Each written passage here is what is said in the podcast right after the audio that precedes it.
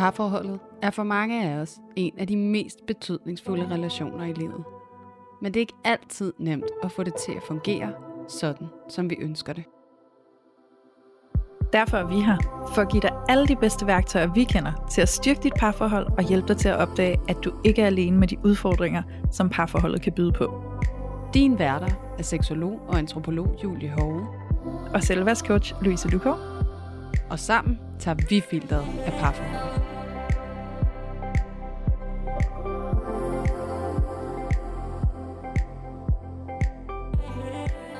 Hej og velkommen til Parforhold Uden Filter. I dag har vi glædet os over det tema, vi skal tage op, fordi vi skal nemlig i dag snakke om det her med, når man betvivler, om man er værd at elske. Så denne her følelse af egentlig at være lidt i tvivl om, hvorfor er det egentlig, du elsker mig, eller elsker du mig overhovedet? Så der kan godt være den her følelse af mindre værd, den her følelse, der går ind og påvirker os i den her tiltro og tillid til, at vores partner faktisk vil os. Og det kan faktisk godt komme til at forstyrre enormt meget ind i parforholdet og den dynamik, vi har i parforholdet, fordi vi kommer til at gå rundt og være i reaktion, eller vi kan have en adfærd, hvor det kommer til udtryk, at vi faktisk betvivler, at vores partner har en grund til at elske os. Og det kunne vi godt tænke os at tage lidt ind i i dag, fordi at det er et tema, som vi er ret overbevist om, der er ret mange derude, der kan genkende på det ene eller det andet plan. Og øh, selvfølgelig er det også noget, mig og Julie har nogle erfaringer, erfaringer, vi kan dele om, så det kommer vi selvfølgelig også til at gøre. Og til at starte med, så vil jeg bare lige sige hej til dig, Julie. Hej Louise. Mm.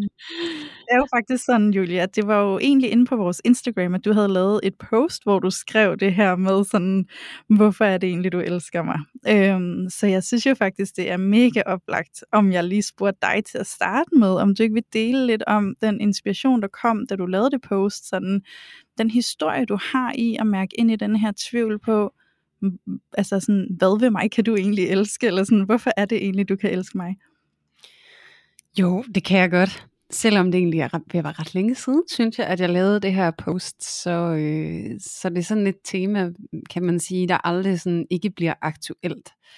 Øhm, og jeg vil sige, at den tvivl omkring, hvorvidt jeg elsker eller ej, den, den tvivl kan godt stadig komme på besøg en gang imellem. Så på den måde, så er det jo ikke sådan noget, der fuldstændig er udfaset af mit liv, og jeg kan sådan lige mærke her, øh, særligt i den seneste tid efter det her, min, øh, min mormors dødsfald, hvor at det hele bliver sådan eksistentialistisk øh, revurdering af mig selv og mine relationer, at der kommer den særligt meget på besøg, den her med, hvorfor elsker du mig overhovedet? Fordi jeg jo netop bliver ramt af nogle reaktioner og nogle følelser, som er så store og voldsomme, at jeg ikke kan præstere særlig meget, eller være empatisk, sådan som jeg plejer at være det, og sådan.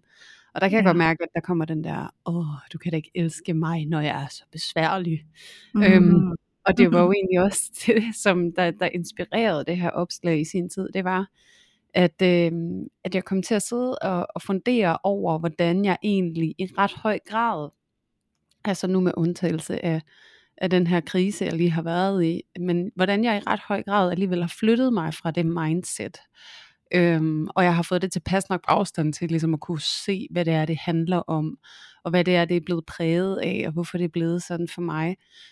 Og så, øh, som det jo er med vores podcast, Louise, og også med vores Instagram-profil, at der, øh, der giver det jo bare mening at dele det. Fordi at det er jo som ofte sådan, at vi ikke sidder og er alene med den her oplevelse og alle de her følelser. Så øhm, ja, det blev til et opslag, og der var jo faktisk ret mange af jer derude, som kommenterede på det, og som reagerede på det, og som efterspurgte, at det ikke noget, vi kunne tale lidt mere om. Mm. Så det er jo derfor, vi er her nu. Selvfølgelig kan vi det. Ja. Ja, selvfølgelig Ja. kan vi det. Ja. Så ja, det var da nok lige den, den, hvad kan man sige, den overordnede intro til det her emne sådan fra min side af. Men jeg kunne også godt tænke mig at høre dig, Louise, sådan, hvad du tænker, når det er, at vi taler om den her oplevelse af, hvorfor er det dog, du elsker mig? Ja, og ja, og ved du hvad, jeg tror egentlig, at øhm, ja, og jeg har sådan helt, hvor skal jeg starte? øhm, men det er fordi, jeg har lyst til sådan, der er sådan flere steder, jeg har lyst til at starte ind i det, men jeg har virkelig sådan den der, øhm, for mig, så handler det rigtig meget om det der med at lære at elske mig selv, ikke? lære at forstå, hvorfor jeg er nice. Øhm, det der med at opdage, at jeg egentlig ret godt kan lide mig selv. Fordi det er jo, når jeg kan lide mig selv, at jeg også kan forstå, hvorfor at min partner kan lide mig, og hvorfor andre mennesker skulle kunne lide mig. Ikke? Øhm, og samtidig så er det også bare så vigtigt for mig at forstå det her med, at jeg kan lide mig, og jeg kan forstå, hvorfor nogle mennesker kan lide mig, men jeg kan også godt forstå, at ikke alle mennesker kan lide mig. Øhm, og det tror jeg faktisk er en ret væsentlig del i den udviklingsproces, der ligger i at gå fra at være i tvivl om, om ens partner kan lide en og kan elske en, og om andre mennesker kan lide en og, og kan elske en. Det er virkelig det her med at vide, at det ikke er meningen, at alle skal kunne lide dig. For jeg tror, i det øjeblik, at du kan adskille det og sige, jeg er her ikke for, at alle mennesker i hele verden skal kunne lide mig. Jeg skal ikke være sådan universel, øhm, likable eller lovable. Jeg skal egentlig bare kunne lide mig, og så vide, at så kommer der til at være en bestemt gruppe mennesker, der også kan lide og elske mig. Og deriblandt ligger min partner. Øhm, fordi når jeg kan lide mig selv, jamen så kommer jeg også automatisk til at tiltrække de mennesker, der kan lide mig. Fordi i det øjeblik, jeg kan lide mig, så tør jeg også i højere grad at være mig. Og når jeg er mig, så kommer de mennesker til mig, som kan lide den, jeg er. Øhm, og det tror jeg egentlig bare lige, jeg har lyst til at starte ud med, fordi det har været sådan en ret stor del af min rejse, øh, fra at gå fra at føle mindre værd, og, og have den der sådan nærmest øh, nervøse tilstand af, uh, her er der nu nogen, der kan lide mig, og hvad med min partner, og hvem skal jeg være for, at de kan lide mig, og sådan den der overtænkning på, hvad tænker andre om mig, og hvad tænker min partner om mig, alle de her ting, øhm, og så gå over til den der mere rolige tilstand, hvor jeg faktisk har tillid til, at nogen elsker mig, og nogen kan lide mig. Ikke? Øhm, så, så det har jeg egentlig bare lige lyst til at lægge ud med. mm, ja, ja, og jeg kan godt følge dig, og jeg synes egentlig, det er et ret fint sted også at lægge ud, fordi det er jo netop også, hvad kan man sige, sætter lupen på at det her, den her følelse af, hvorfor kan du elske mig, tit og ofte har rod i den her oplevelse, vi har af os selv. Og ja, de her netop. dybe forventninger, vi går rundt med til os selv. Og de her dybe forventninger, vi går rundt med til, hvad andre skal synes om dem, vi er. Og ja. så de her, hvad kan man sige, tanker og følelser omkring, hvad der skal til, for mm. at de kan holde af den, vi er. Ikke? Jo, præcis. Jo, og det er jo virkelig noget med at komme ind og kigge på alle de idéer, vi har om, hvem vi skal være for at være nogen, man kan elske. Ikke? Fordi ligesom du startede med at sige i, her i begyndelsen, så siger du det her med lige her med din mormors dødsfald, der kunne du godt mærke, at du særligt blev udfordret i den her oplevelse af, kan du så elske mig nu, hvor jeg er besværlig? Øhm, og det er jo så interessant, fordi til dem af jer, der har lyttet med i 100 år, så ved I jo, at det tit har været noget, Julia har snakket om, det her med at, at have en skygge på at være besværlig. Ikke? Øhm, så der er jo en idé idéer, en fortælling om, at hvis jeg er besværlig, så er jeg ikke værd at elske. Så det er jo noget med at komme ind og kigge på de idéer, vi har om, hvornår vi kan elskes, og hvornår vi ikke kan elskes. Og hvorfor er det, vi har fået den idé om, at vi ikke skulle kunne blive elsket, hvis vi er besværlige? Og er vi reelt set besværlige? Ikke? Øhm, så det synes jeg er ret interessant at kigge ind i, netop at få øje på alle de her sådan, skygger, kan vi jo også godt kalde det. Ikke? Øhm, men alle de her fortællinger og idéer, som vi har fået med os på et eller andet tidspunkt i livet, hvor vi har fået skabt den her overbevisning om, at hvis jeg er sådan her, eller sådan her, eller sådan her, så er jeg ikke værd at elske. Så er der ikke nogen, der kan lide mig, eller så bliver jeg nødt til at justere på mig selv, så bliver jeg simpelthen nødt til at indrette mig sådan, så at jeg kan være sådan en, man kan elske. Og så taber vi jo os selv. Og så er vi bare overhovedet ikke os selv, og så tiltrækker vi alle mulige mennesker, vi overhovedet ikke klikker med, og slet ikke matcher med, og så øh, kan man sige, så bestyrker vi jo næsten oplevelsen af, at vi ikke kan blive elsket, fordi så er det typisk også mennesker, der ikke knytter sig ordentligt til os, eller begynder at svigte os, ikke? Ja, lige præcis. lige præcis. Og, øhm, og det, det er jo det der med, det netop bliver, det er jo det, er, det der er så frygteligt ved det, det er jo, det bliver sådan en selvopfyldende profeti, fordi at tit og mm-hmm. ofte, hvis man også ender i den her følelse af, hvor man kommer i tvivl, åh, oh, kan du elske mig overhovedet, eller synes du, jeg er god nok, eller nu kan jeg ikke gøre det her, jeg plejer, jeg kan ikke, du ved, og det er måske meget det, der gør sig gældende for mig personligt, det er det her med, at jeg kan ikke opfylde min kvote længere. Øhm, hvor det for mig, det her med at kunne være produktiv og have et overblik og være energisk og være sjov og være sød og være empatisk og alle mulige kvaliteter, som jeg tillægger en stor betydning i forhold til, hvorvidt jeg er elskelig eller ej når jeg så ikke mm. kan leve op til den kvote længere, ja. så er det faktisk, at det bliver interessant at se, hvad er min reaktion så, hvad er det, jeg kommer til at gøre, når at jeg ikke længere kan gøre de ting, jeg går og tror på er nødvendige, for at jeg kan blive elsket. Jamen, det som jeg gør, det er jo, at jeg faktisk helt ironisk, øh, når man ser det udefra, ikke der hvor jeg allermest brug for at blive elsket, hvor jeg kan de her ting allermest, mindst, øh, der begynder jeg at blive sådan tillukket og afvisende og skubbe væk fordi mm. at jeg jo netop har den her øhm, oplevelse på indersiden af, at når jeg er på den her måde, så kan de ikke holde af mig. Og hvis de ser mig på den her måde, så vil de forkaste mig. Mm. Så derfor så forkaster jeg øh, mine relationer, og særligt min partner, og siger øh, indirekte, du skal gå væk, og du skal blive væk. Det er lidt den der... Øh, det er sådan en, det er faktisk, altså hvis man skulle tage den der sådan lidt pladeromantiske udgave af det, så er det jo sådan Robert Pattinson i uh, Twilight, hvor han siger, uh, Bella, stay away, I'm dangerous. ja. ja, og det er jo egentlig bare... Han hende og siger, at det er for hendes skyld, og hun må ikke lede efter ham. Ja, lige præcis det her med, jeg beskytter dig fra mig. Ja. Øhm, og det er jo sådan en meget teatralsk måde at fremstille det på, men det er ikke desto mindre faktisk det, der er på spil tit og ofte.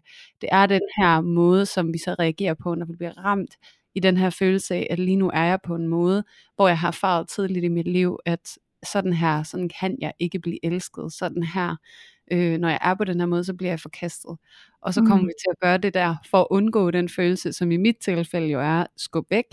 Ja. Og så er det jo faktisk, at jeg netop sætter mig selv i en situation, hvor jeg føler, at der ikke er omsorg til mig, eller kærlighed, eller nærhed, og jeg kan heller ikke mm. få det tæt på, fordi jeg jo bliver afvisende, fordi jeg har lyst til at holde ham væk. Ikke? Så ja. det er jo bare, lige præcis som du siger, Louise, totalt også selvopfyldende profeti, ikke? at ja. når det er det mindset, jeg går rundt med, så er det også det miljø, jeg skaber omkring mig, som gør, at jeg bliver bestyrket i det mindset. Ikke? Jo, det er jo nærmest en måde at skabe en, en altså en form for virkelighed, som ikke nødvendigvis er virkeligheden. Men altså virkelighed er jo også bare sådan et øh, bøjeligt begreb, synes jeg nærmest ikke, fordi en virkelighed er jo bare det, vi ser for os, og det vi oplever, ikke? og den kan vi jo også ændre på. Så vi kan jo også ændre den virkelighed, vi er i, og det kan vi jo netop gøre ved at ændre på måden, vi opfatter os selv på. Og det er jo så en proces, vi skal ind og arbejde i, for at, at kunne ændre på, ikke? Altså komme ind i det her område, hvor vi faktisk ser os selv med blide øjne, og kan se os selv og vide, at vi ikke skal være fejlfri, før vi er elskbare, øhm, men faktisk kunne begynde at hæppe lidt på os selv, og begynde at synes, at vi selv er rimelig nice, og begynde at være et meget tilgivende over for os selv, for det synes jeg, der også har været en stor del af min proces. Det har virkelig også været at øh, være i stand til at tilgive mig selv på tidspunkter, hvor at jeg måske føler, at jeg har fejlet, eller hvor jeg måske egentlig selv godt kunne erkende sådan, åh, oh, det var måske ikke det fineste træk fra min side det her, men det kan jeg godt tilgive mig selv for, og det kan jeg godt rydde op i, og så kan jeg godt tro på, at jeg kan elske selvom, at jeg ikke altid lige øh, måske evner at være den allerfineste udgave af mig, ikke? Ja, jo, jo, lige præcis. Ja. Og jeg synes, at det er sådan, er sådan en ret vigtig kerneessens af, fordi nu synes jeg, at nogle af de ting, du sagde, Louise, tænker sådan, du leder os næsten helt naturligt over i, hvad gør vi ved det? Øhm, som jo altid er et rart sted at komme hen, når vi føler, at vi er gået i baglås med et eller andet, som er forstyrrende i vores liv og vores relationer. Ja. Og, øhm, og det er jo i og for sig noget, der egentlig gør sig gældende, synes jeg, når man snakker om alle mulige former for øh, selvudvikling, det er jo det her med at begynde at være tilgivende og accepterende og mild og medfølende omkring ja. sig selv og den måde, vi er på, og det vi gør, fordi at det er alle de, hvad kan man sige, tilgange, vi ikke er blevet mødt i til at starte med, som har etableret de her sår, traumer, mm. øh, overbevisninger i første omgang. Så hvis vi også skal komme dem til livs, så er det jo faktisk øh, lige præcis det, som der var mangel på, som vi er nødt til på en eller anden måde at lære at generere selv. Og så synes jeg jo, det fine i det er, Louise, det er jo, at, at når man så bliver i stand til det, så kan man også bedre tage imod det fra andre. Øhm, ja, præcis.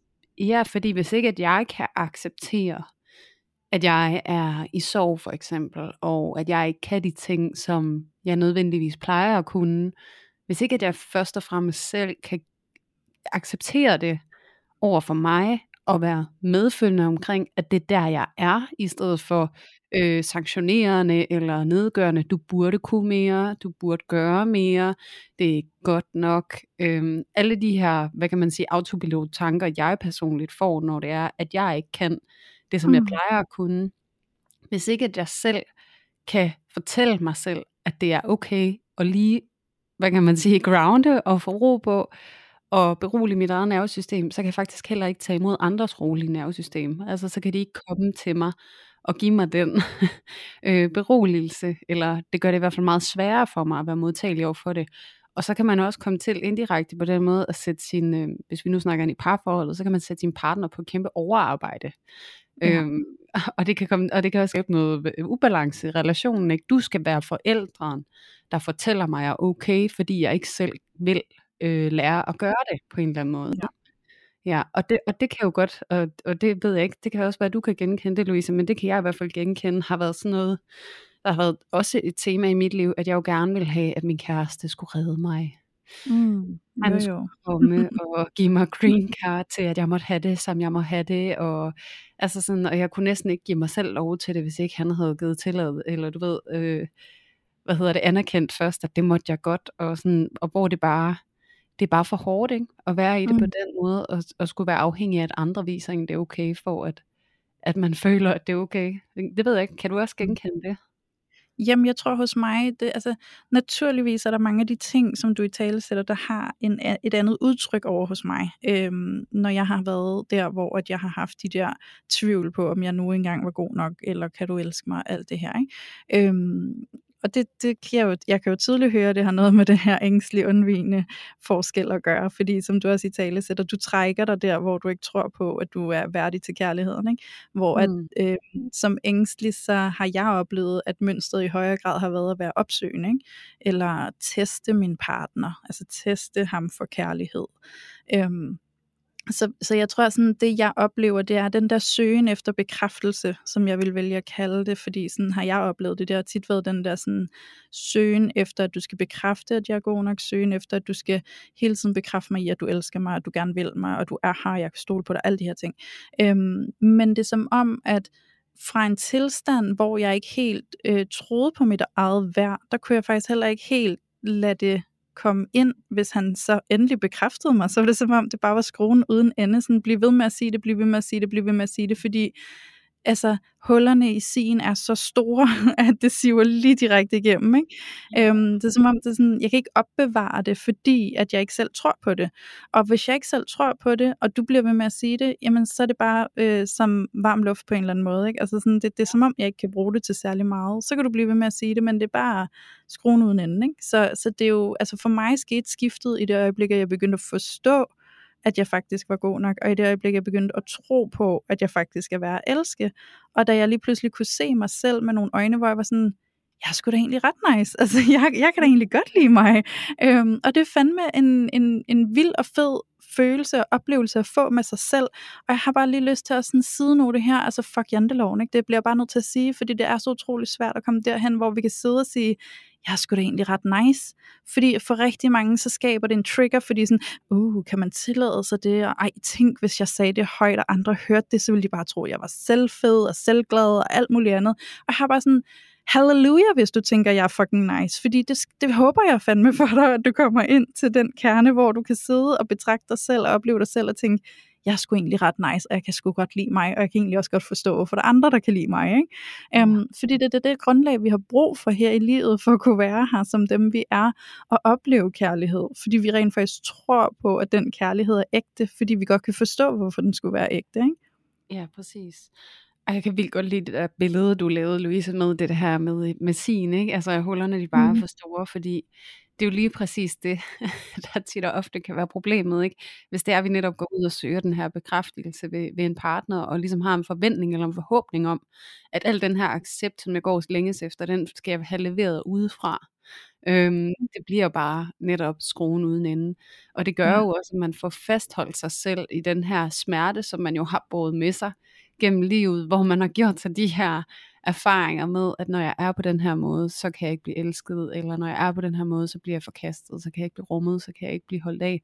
Øhm, Og så på den måde, så går vi bare og holder os lidt selv i den overbevisning, eller stagnerer i det, hvis det er, Ja. at vi netop går og venter på, det her, det skal jeg have leveret på en eller anden måde af min partner, så jeg kan være med mig selv, og det jeg er i. Ikke?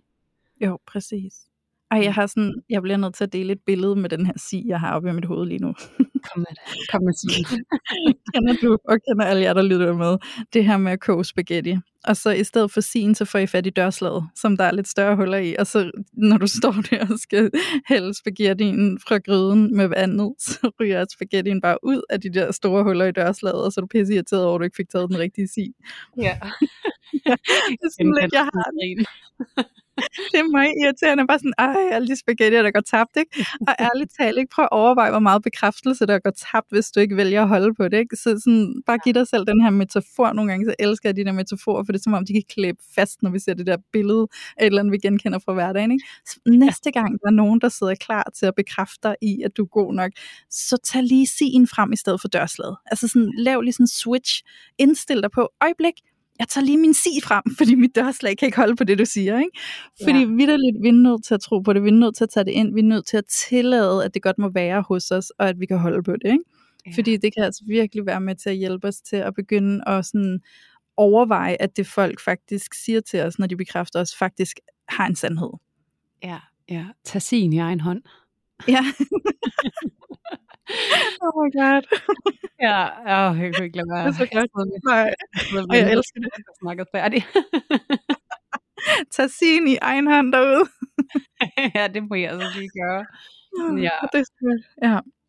Men det er jo bare den fineste metafor, eller analogi, ja. eller hvad vi skal kalde det, for netop det her fænomen, der er, at ikke at føle sig i stand til at elske sig selv, og hele tiden gå og dvæle ved, at det er noget, der skal komme udefra. Ikke? Øhm, ja.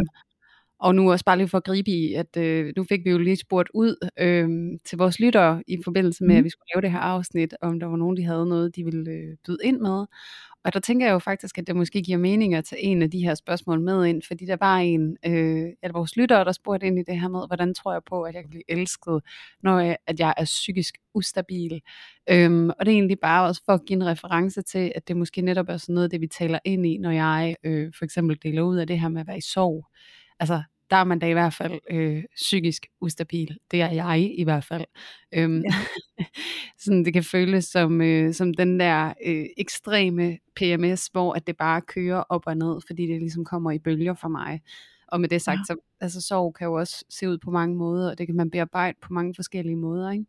Øhm, mm. og der er det jo også altså for mig, altså dele en personlig erfaring, at jeg har virkelig øhm, skulle lære mig selv, i den her soveproces og have tillid til, at selvom at jeg er øh, ekstrem øh, PMS-agtig, og det svinger helt vildt. Altså, nej, mm. jeg ved, at jeg bruger PMS, ikke? fordi det er noget helt andet. Ikke?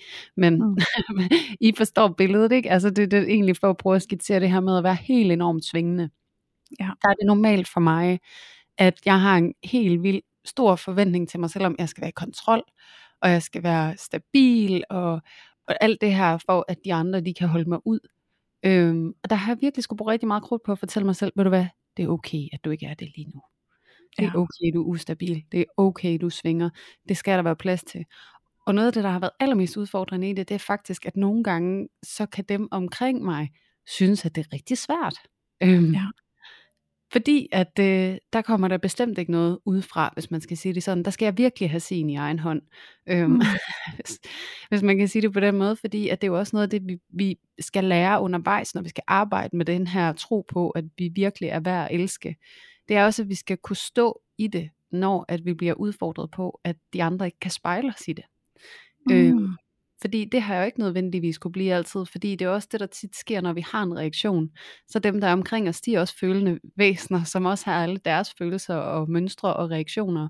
Og der ja. for eksempel mellem min kæreste og jeg, der har han også haft en reaktion på min reaktion. Mm. Ja.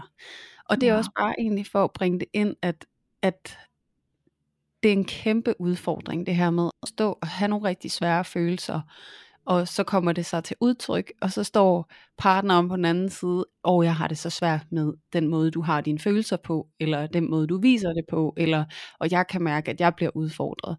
Der er det ja. altså bare dobbelt konfekt, det her med at kunne stå i, jamen jeg er stadig værd at elske, jeg er ikke forkert, mm. fordi jeg er i den her tilstand, og min kæreste er faktisk heller ikke forkert, fordi han har en reaktion, og han er mm. i en mm-hmm. tilstand omkring min tilstand. Ja. Øhm, og det er så også bare... Altså, hvad? Det er meget meta.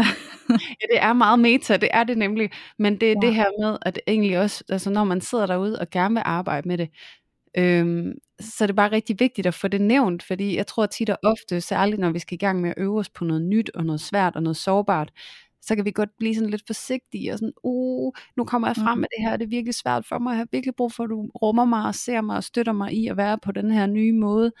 Og der er det bare rigtig vigtigt, at vi lige får øje på, det kan vi ikke bare forvente, Øh, vi kan ikke altid blive mødt, og når vi ikke altid kan blive mødt, det er der, hvor det bliver rigtig vigtigt, at vi lige husker os selv på, det gør ikke, at det ikke er okay. Nej. Det er stadigvæk okay. Jeg er stadigvæk okay. Bare så I lige sådan, fordi det er jo også det, der er sådan en del af hele det her tema, Louise. Det er jo det her med at kunne på en eller anden måde fylde sig selv op, berolige sig selv og vise sig selv den omsorg, som man går længes efter.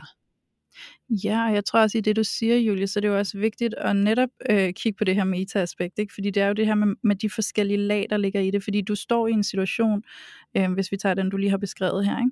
Øh, hvor du både skal berolige dig selv om, at selvom du ikke bliver spejlet og mødt, som du havde ønsket dig, hvis du ikke føler, du bliver forstået, og du ikke får adgang til den omsorg, du måske havde brug for, fordi din partner måske ikke kan sætte sig ind i det, du gennemlever, eller har en reaktion på måden, du gennemlever dine følelser på osv. Så det er jo også det her med, ikke nok med, at du beroliger dig selv og fortæller dig selv, jeg er okay, og mine følelser er tilladte, de er ikke forkerte, bare fordi min partner ikke umiddelbart kan rumme dem, så skal du også samtidig øhm, give dig selv det her aspekt med, at min partner er heller ikke forkert, fordi at min partner ikke kan rumme mine følelser. Det er fordi, der foregår noget i min partner, som de øh, ligesom har fået med sig i livet, som gør, at det er svært for dem. Sådan så vi ikke gør vores partner forkert, for det er no- nogle gange, når vi står i sådan en situation, så kan vi jo godt tænke sådan, når man, nu føler jeg mig forkert, men hvis jeg så skal overbevise mig selv, om jeg ikke er forkert, så må min partner jo være den, der er forkert, fordi ellers, altså en eller anden af os skal jo være forkert, eftersom at, at det ikke fungerer det her, ikke? Og det er jo det der med at huske på at kigge på de her lag og se, at der er så mange nuancer i det, og det, altså for mig vil jeg det sige, det, har, det, det kræver virkelig at have tungen lige i munden nogle gange, ikke? Øhm, det her med at kunne se alle lagene, når jeg står i situationen, og vide, at min partner er ikke forkert, bare fordi han ikke rummer mine følelser, jeg er heller ikke forkert, fordi jeg har dem, eller på den måde, jeg udtrykker dem nødvendigvis. Vel? Øhm, så der er virkelig sådan flere lag i det, og jeg vil sige, for mit vedkommende, når jeg lige skal sådan tabe ind i det, du forklarer her, så, øhm, så hos mig, så har jeg nogle gange oplevet at få at vide sådan, at mine følelser er for meget, eller at jeg overreagerer, eller sådan nogle ting. Ikke? Øhm, og det har da virkelig ramt mig hårdt, når jeg har fået det at vide. Så der har også været en øvelse for mig i at sætte en grænse og sige, det er okay, hvis du ikke kan rumme mine følelser, men mine følelser er ikke for meget. Sådan, jeg har haft brug for at state det og gøre det klart ved at sætte en grænse, fordi ellers så kunne jeg snilt i, altså sådan, inden jeg startede den proces, så kunne jeg snilt bare have hoppet med på den og være sådan, Øh, når så er mine følelser for meget, men hvor skal jeg så gå hen med dem, eller hvem skal jeg så være, eller så må jeg bare lukke dem inden, eller være med at komme ud med dem, og det er jo på ingen måde særlig konstruktivt for nogen, fordi så går man jo bare rundt og ligger låg på sig selv, ikke? Øhm, og, og det dur jo bare heller ikke. Og det er sådan en vigtig pointe, det der, Louise, fordi at det er netop noget, der også tit og ofte er problemet egentlig, når man gerne vil arbejde med de her traumer og de her sår, som ligger til grund for, at vi kommer til at føle os uelskede, når vi er på bestemte måder. Det er netop det her med, at vi har den der øh, selvaccept, som du beskriver, at du egentlig praktiserer, når du sætter den her grænse og siger, hey, mine følelser er ikke for meget. Mm. Det er helt okay, at du kan mærke, at du har svært ved at rumme det, men mine følelser skal ikke dømmes for at være dem, de er. Ja. Øhm, og også fordi, at det at gøre det, det er faktisk enormt powerfult. Mm. I, I andre tilfælde, så taler man nogle gange om det her med, at øh, hvis nu har man været udsat for mobning eller sådan noget i folkeskolen, den power, der kan være i at konfrontere den bølle, som har stået over for en på en eller anden måde. Ikke? Ja. Det er noget af det, jeg også ser, når at, at man laver den her øh, bevægelse, som du laver i det moment, hvor du ligesom sætter den der grænse. Det er det her med netop, at man giver sig selv og sine følelser og sine reaktioner en, en, en krammer på en eller anden måde. Er det billede, jeg får? Måske også en respekt. Ja, præcis. præcis. Det der med, at man respekterer sine egne følelser, og det er jo også det der med, at man, og man viser omsorg omkring, at hey, den måde, du reagerer på, det er okay. Det er ikke ja. forkert. Og det kan godt være netop også lidt egentlig tænke over i det, jeg også sagde før, det der med, at man kan få en reaktion på, at andre har den der reaktion på ens reaktion. Ikke? Mm-hmm. Øhm, ja. ja, og så det der med, at man netop sådan lige bliver selvkærlig frem for alt, ikke? Øh, når man ja. står i det der møde med en, der har svært ved at rumme det, man kommer med. Og, og ja. i det, at vi gør det, er vi faktisk også i gang med at hele noget af det, der gør det svært i første omgang overhovedet at vise de her følelser. Mm, Fordi den, den reaktion, når vi står der og, og er i vores følelser og synes, det er svært nok i sig selv, og vi så bliver mødt af nogen, der også synes, det er svært, det er jo der, hvor vi netop bliver krænket på ny. Vi genoplever den her traume øh, situation, som der har været i vores opvækst, hvor vi er blevet mødt i den forståelse af, at vores følelser de er for meget, og de må ikke være der, eller de er forkerte, eller jeg kan ikke elske dig, når du er på den her måde. Ja. Og det der med lige at stoppe den situation op igen, og så fortælle mm. os selv, hey, det er okay, du er okay, ja. Jeg holder af dig, og du må godt mm. være her, og det skal nok gå. Jeg bliver ja. her med dig. Jo, det er så, ah, det er så rigtigt, Julie, fordi det, det øjeblik, hvor at vi sætter den grænse og siger sådan, jeg kan godt mærke, at du ikke kan rumme mine følelser, men der er altså ikke noget galt med mine følelser. Det er jo der, hvor vi omprogrammerer hele den overbevisning, vi er kommet afsted med i livet, hvis vi havde nogle forældre, der måske gav os et indtryk af, at vores følelser var for meget, og der ikke var plads til dem. Ikke? Fordi det er jo også Hele omprogrammeringen handler både om at overbevise os selv om, at vi ikke er for meget, eller vi godt må være her, eller hvad du nu engang trigger på. Øhm, men det handler også om at få øje på, at grunden til, at vores forældre ikke kunne rumme vores følelser, havde noget at gøre med dem, og ikke noget at gøre med, at der var noget galt med os. Og det kan vi jo også praktisere gennem en partner. Så hvis du har en partner, der eksempelvis øh, giver udtryk for, at dine følelser er for meget, øh, tag dig lidt sammen. Nu må du også skrue lidt ned. Du gør en øh, 4 til fem høns, eller hvordan det kommer til udtryk. Så prøv at blive lidt nysgerrig på, kan vide, hvorfor min partner har det sådan. Kan vide, hvorfor min partner ser det på den måde. Fordi det er jo det, som der egentlig øh, var brug for, at du kunne gøre, da du var barn over for dine forældre, men den kognition har vi bare ikke som børn. Men den kan vi jo så hele som voksne gennem en partner, hvor vi oplever det samme krænkende aspekt.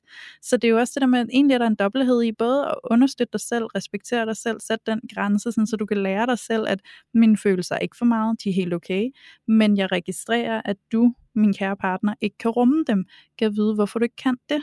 Hvad er du kommet afsted med i livet, hvor du har lært, at følelser er for meget, hvis de er på den her måde.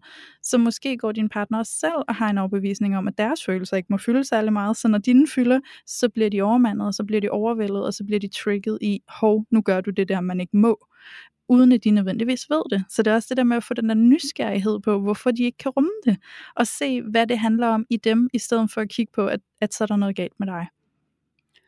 Ja, lige præcis. Ej, det er så godt sagt, Louise. Det er så godt sagt. ja, og, det, og den der dobbelthed i, og der er faktisk også noget fint i, hvis nu man også stadigvæk har sine forældre og står over for den, den her reaktion en gang imellem, hvor, hvor det ligesom minder en om sådan, som det var, ikke?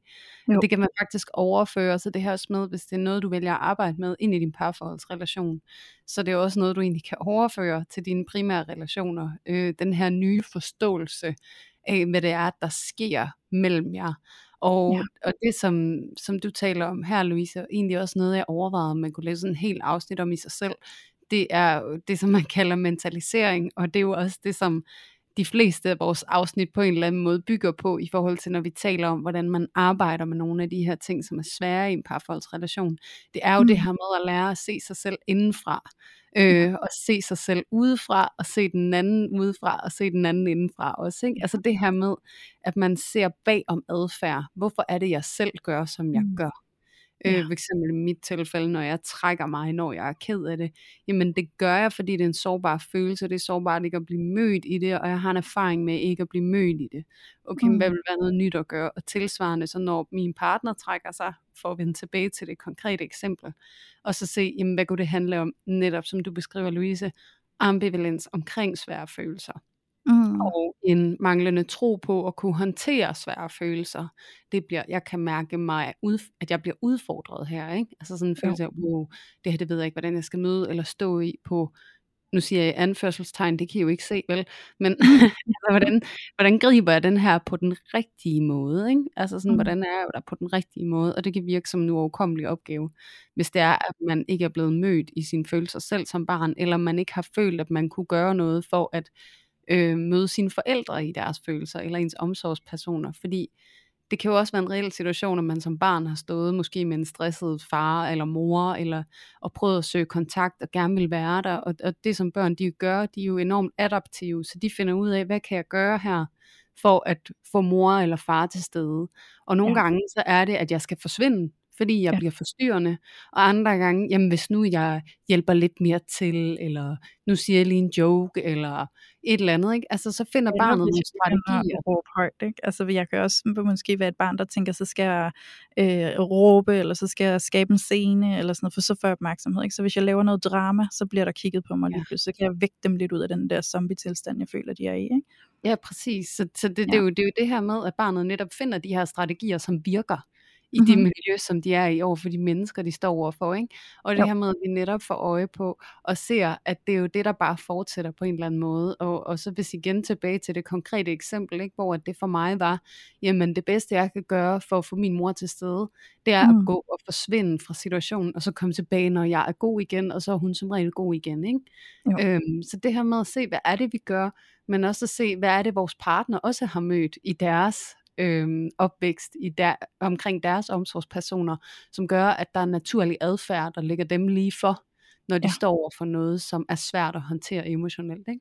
Jo, men præcis. Jamen, det er helt rigtigt. Også fordi, jeg kan ikke lade være med at sidde og tænke på hele det her når vi snakker om det her, så kan jeg ikke lade være med at tænke ensomhed. Ikke? Fordi det er jo også det, der sker, når vi ikke føler os mødt, og når vi føler, at vi bliver dømt for vores følelser, eller vores reaktioner i vores følelser osv.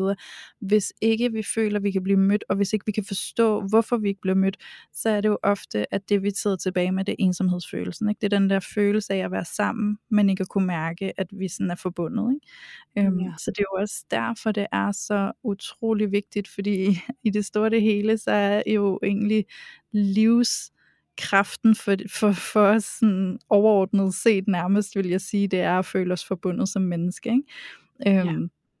og, øhm, og hvis vi ikke gør det, jamen så er det jo netop, at vi bliver sådan helt øhm, tabt indvendigt. Og så bliver det bare svært at være her, ikke? Så, øhm, så det er jo også derfor, det er så afsindig vigtigt at komme ind og begynde den her proces med at tillade og elske dig selv, for så at kunne forstå, hvorfor andre også kan elske dig. Så du kan tro på det, i stedet for at afvise det. Og så du kan begynde at forstå mange af de her nuancer, der sker imellem dig og din partner, når det er, at der er ting, der bare ikke går op i en højere enhed indimellem. Ikke?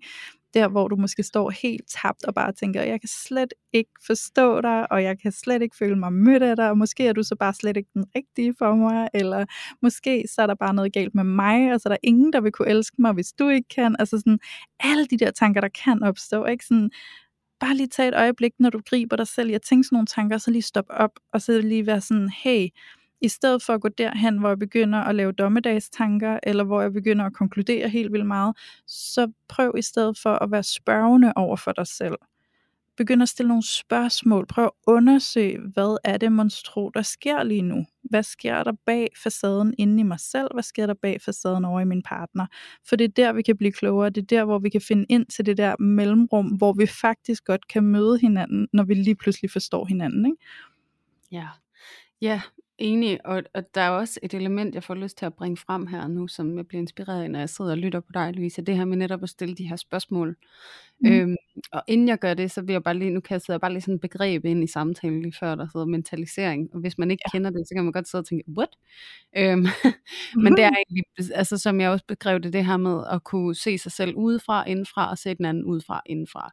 Øh, mm. Og i særdeleshed se sig selv udefra, og så prøve at se den anden indenfra. Det er simpelthen bare empati øh, one-on-one.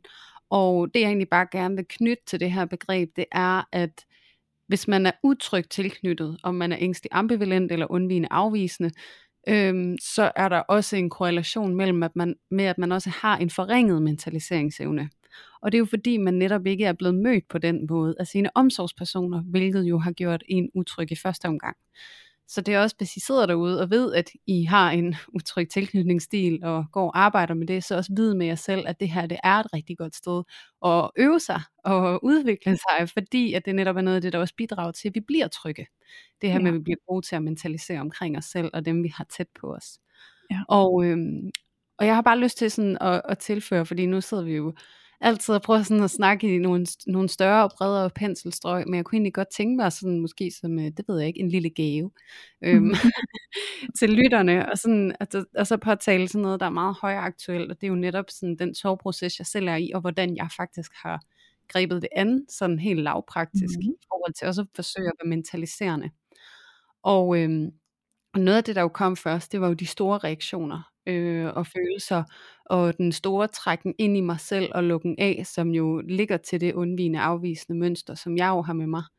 Øhm, og så skulle det jo ligesom udvikle sig derfra, fordi at det er meget smertefuldt at være alene med store følelser, som sorg jo er. Så derfor så kunne jeg også godt mærke, at der var en kæmpe længsel efter at flytte mig mod noget nærhed og noget omsorg. Og det var rigtig svært at komme til det, fordi at en af dem, jeg så har tættest på mig, ikke, det er jo faktisk min kæreste og min partner. Og fordi han jo også er tilsvarende øh, undvigende, så, så det er faktisk også svært for ham at stå i møde med de her store, svære følelser.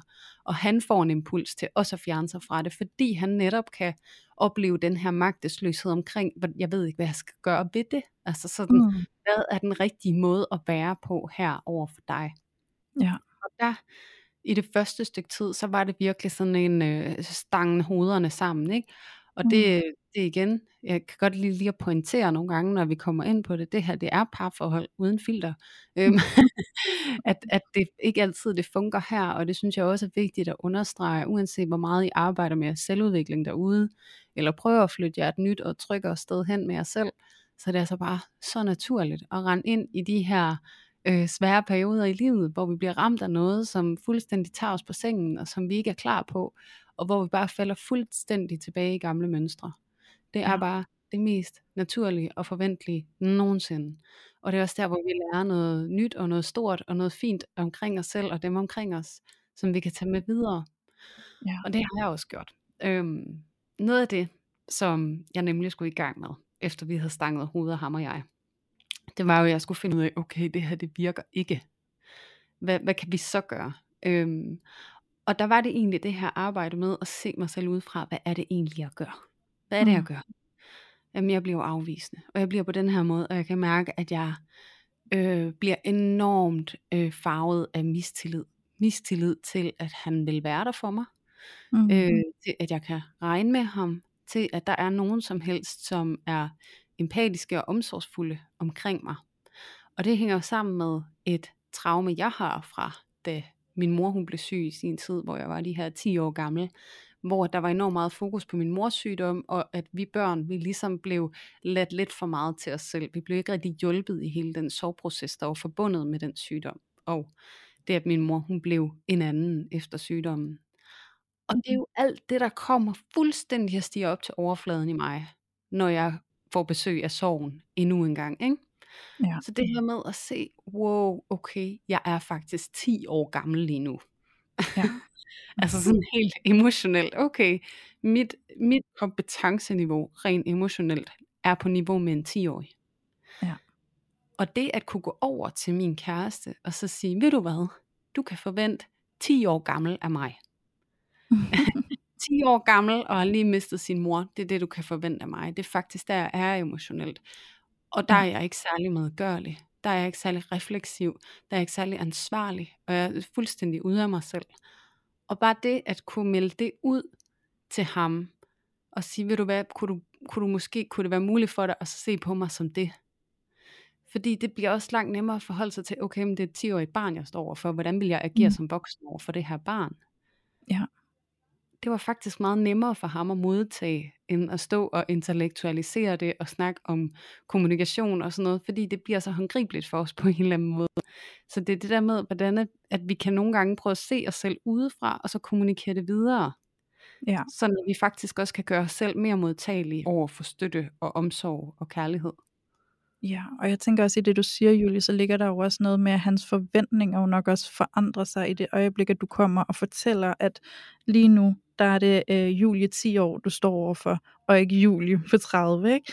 Fordi det er jo også den der, altså sådan forventningen til, det, til den voksne version af dig kan måske være, at du skal håndtere dit og dat, og du skal være i stand til dit og dat.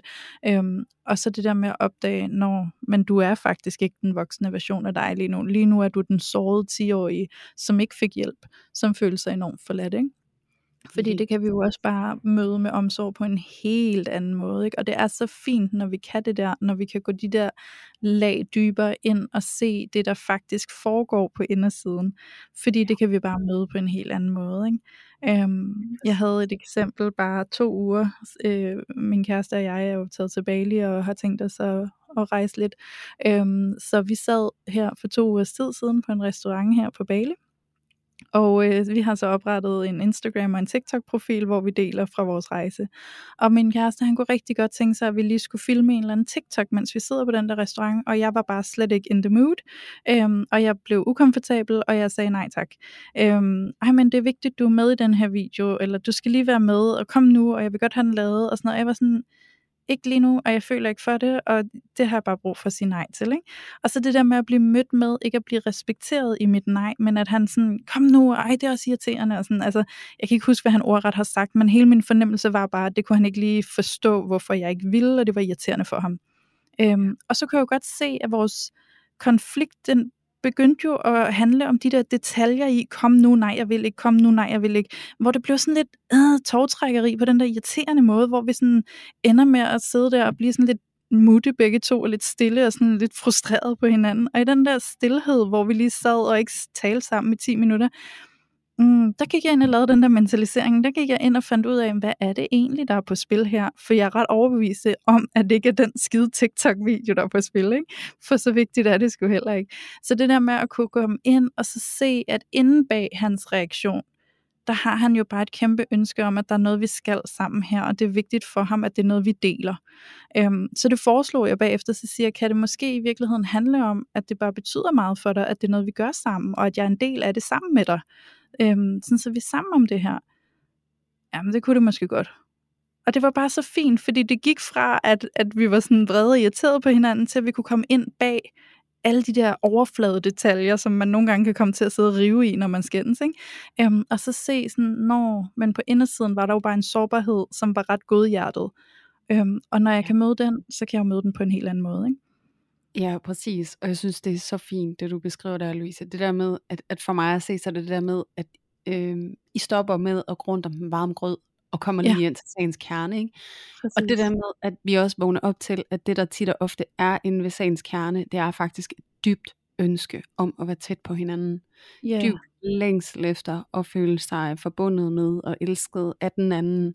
Fordi at den anden er så vigtig for os, ikke? Altså, hvor ja. det er bare sådan, inde bag hver en konflikt ligger der en skjult kærlighedserklæring på en eller anden måde, ikke? ja. Og det synes jeg, det er ja. så fint, at det med, når man nemlig kan skære ind til benet, at det, det, det er altså bare guld værd, og man kan virkelig komme rigtig mange konflikter i møde, når man kan det der, som du lige mm-hmm. beskrev, du gjorde over for din kæreste, som jeg synes er så fint. Så fint gjort. Ja, og, og tak for det, og i lige måde.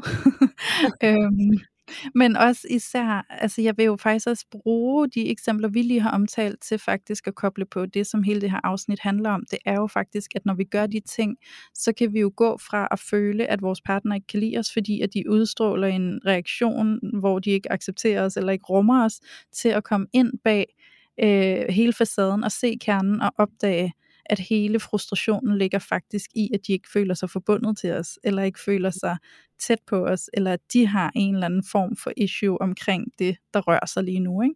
Så ja. når vi kan komme ind bag facaden, altså når jeg sidder der på restauranten og kan oversætte, at hans frustration over, at den her TikTok ikke bliver lige nu, ikke handler om den TikTok, men handler om, at han føler sig afvist i, at jeg vil være sammen med ham om det, han godt vil dele med mig, jamen så er der jo en kærlighedserklæring i det. Ikke? Og hvis jeg så kan se det, og jeg kan tro på det, så er det jo med til at bestyrke hele den her overbevisning om at være elsket, og se, at det ønske rent faktisk er der. Så, så hvis I på noget tidspunkt står i de her konflikter, og det vil jeg tro, I gør på et eller andet tidspunkt, for det gør de fleste af os altså i nyerne, øhm, så prøv lige at grave ind bag selve konflikten, og så se, hvad er det ægte, der er på spil? Hvad er det for en sårbarhed, der er på spil? For det er sårbarheden, vi skal se for at se kærligheden. Ikke? Øhm, så når vi kan dele den sårbare møde hinanden der, så er det altså også, at vi får adgang til at mærke kærligheden, og måske i virkeligheden også begynde at rumme hinanden, og begynde at tro på, at den kærlighed, den er der altså. Og jeg er et kærligt menneske, jeg er et elskværdigt menneske, og jeg er god nok. Ikke? Ja. Ja. ja, det er så rigtigt. Også også det her med, at, at når man så bare netop bliver ramt i den her usikkerhed, og er jeg elskelig på den her måde, mm. og at man så går ind der bag ved den frygt, og så mærker den dybe længsel, der ligger på bagsiden af frygten, ikke? og ja. tør i tale sætte den og sige det højt, så ja. er der altså bare tit og ofte en rigtig, rigtig stor sandsynlighed for, at vi bliver mødt kærligt. Mm. Øh, ligesom at gå hen og sige til sin kæreste, ved du hvad, jeg er en 10-årig, øh, lige nu, som er pisse bange for ikke at modtage omsorg, ikke at blive rummet, ikke at blive hjulpet. Og når jeg er det, så bliver jeg så afvisende over for dig, jeg bliver så kold, fordi at jeg har ingen forventninger om at blive mødt. Og det er så smertefuldt for mig at være, og jeg har så meget brug for dig lige der. Så ja. også det her med at vise, det er jo ikke en afvisning af dig, det er jo en afvisning af mig selv, fordi jeg er så frygtsom omkring at blive støttet der, hvor at jeg er allermest sårbar. Ikke? Mm, det er jo det. Det er også det der med at gøre sig selv modtagelig over for den kærlighed, som der så i virkeligheden er. ikke. Og det er nok også derfor, jeg bringer det her eksempel op. Det er egentlig det her med, at vi netop, når vi netop, som vi også indledte med at snakke om, Louise, det her med, at vi går og selvsaboterer, øh, mm. når vi bliver i en overbevisning om, at vi ikke er elskelige, når vi er på bestemte måder. Men når vi så i tale sætter den her sårbarhed, så gør vi os tilgængelige for den kærlighed, som rent faktisk er der. Og som mm. oftest er der, når et menneske har valgt at være sammen med os på den måde, hvor man indgår i parforhold med hinanden. Der er der altså heldigvis oftest en hel masse kærlighed. Og det skal man ja. altså nogle gange lige minde sig selv om og gøre sig selv tilgængelig for. Ja, ja og den tilgængelighed, den ligger jo rigtig ofte i at ture til ansvaret for at vise vores sårbarhed. Ikke? Øhm, fordi det er jo sårbart for mange af os, det her med at vise at vi faktisk er sårbare. Ja. øhm, så det kan jo føles meget, øhm, altså jeg ved, altså jeg var da stolt af min kæreste, altså jeg ved da, at havde vi spolet tiden fem år tilbage, så havde han ikke på samme måde som nu her på den restaurant bare kunne sige, ja det har du nok ret i, så havde han nok gået i modstand og været sådan, nej det er ikke derfor, og sådan noget, ikke fordi det nok ville have været sårbart for ham at indrømme og erkende, at ja, det handler nok i virkeligheden om, at jeg bare gerne vil have, at du skal være med, fordi at jeg godt vil have, det er noget, vi gør sammen. Øhm, det betyder rent faktisk noget for mig. Det, det kan jo være sårbart, fordi det er også at investere sig selv, og egentlig i bund og grund også at blotte lidt sig selv, men måske også sætte sig selv i en risiko for at blive afvist. Ikke? Så det er jo også det der med at ture og gå derhen, og så satse på at blive grebet, og i virkeligheden, at hvis du ikke bliver grebet, så er du nødt til at gribe dig selv. Ikke? Øhm, så det er jo også det der med at tage chancen om at gå derhen, fordi at vi kommer jo nok ikke til at møde kærligheden og opleve den ægte, hvis vi ikke går derhen. Så må du tage et valg ved at tage chancen, gå derhen, sats på at blive grebet. Hvis jeg ikke bliver grebet, så griber jeg mig selv, eller vil jeg bare aldrig gå derhen, og så aldrig rigtig få hul igennem til det der sådan dybe grundlag af at føle, at kærligheden er der også til mig. Ikke? Ja, det er jo tit og ofte der, hvor at helingen af den der oprindelige, hvad kan man sige, såring, den ligger. Den ligger, når vi faktisk tør gå derhen over. Ja, præcis. Hvor det er så frygtsomt at vise, at vi har brug for andre. Ja. Øhm, det er noget af det mest sårbare i hele verden. Det er faktisk lige præcis det.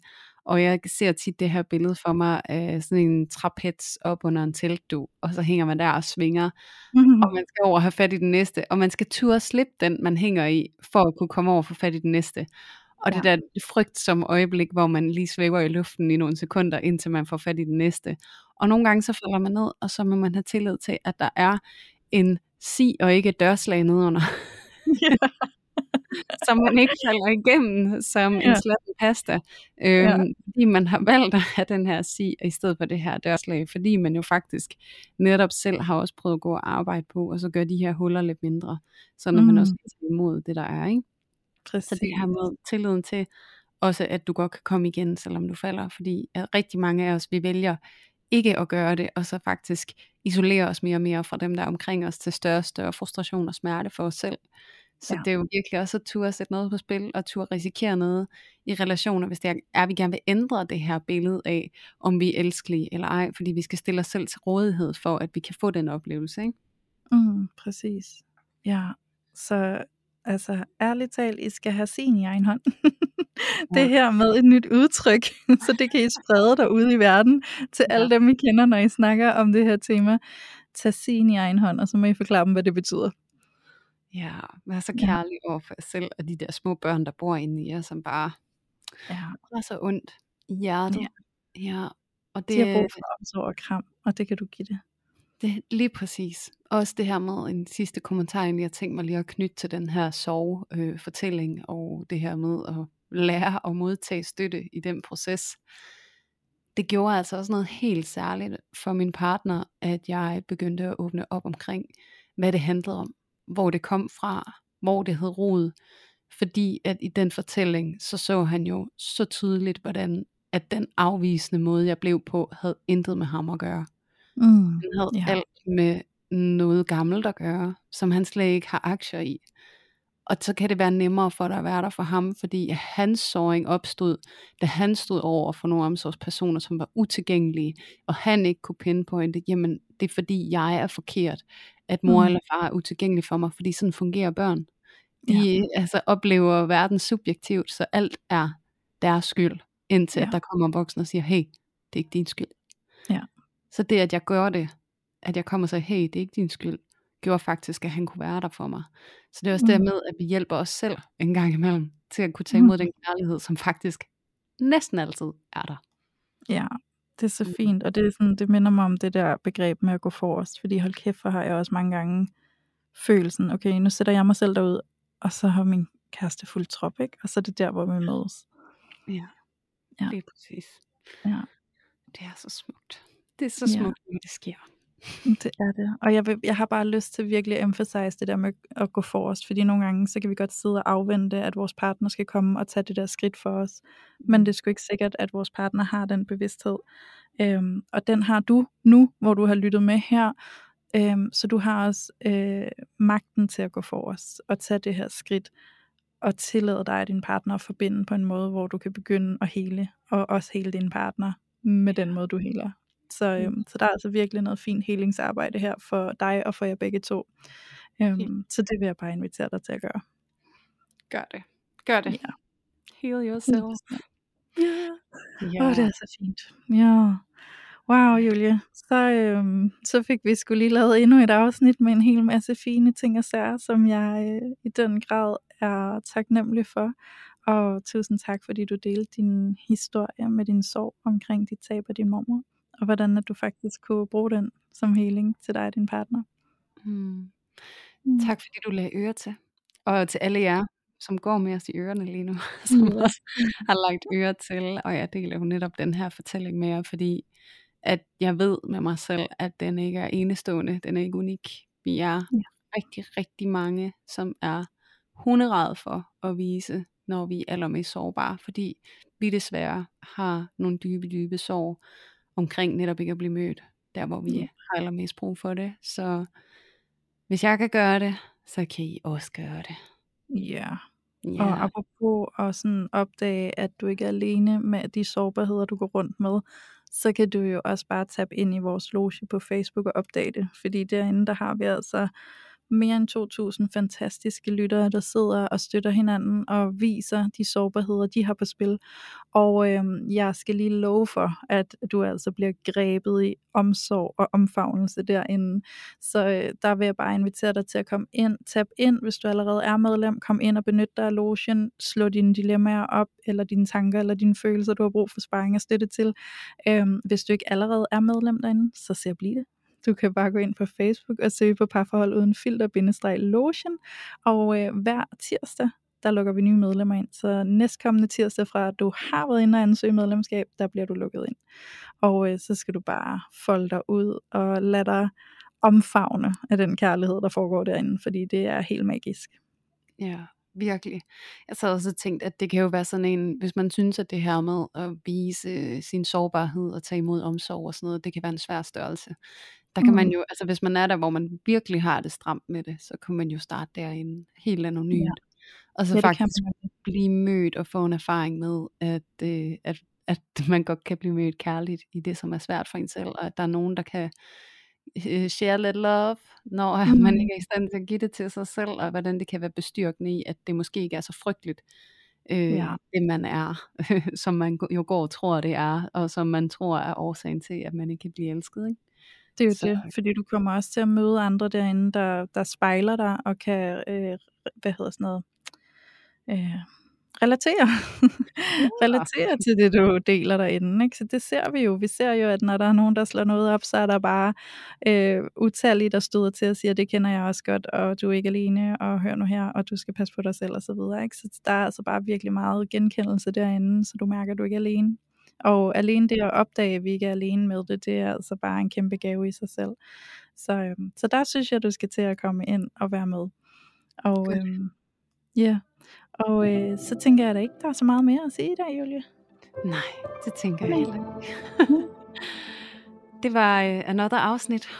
Det var det. Og tak for det. Ja. Ja, og selv tak til dig, Louise. Det har været en kæmpe fornøjelse. Ja, det har det godt nok. I lige måde. Ja, tak. Og tusind tak til alle jer helt vidunderlige, super, helt enormt elskelige lyttere derude, der endnu engang har været med til at tage filteret af parforholdet.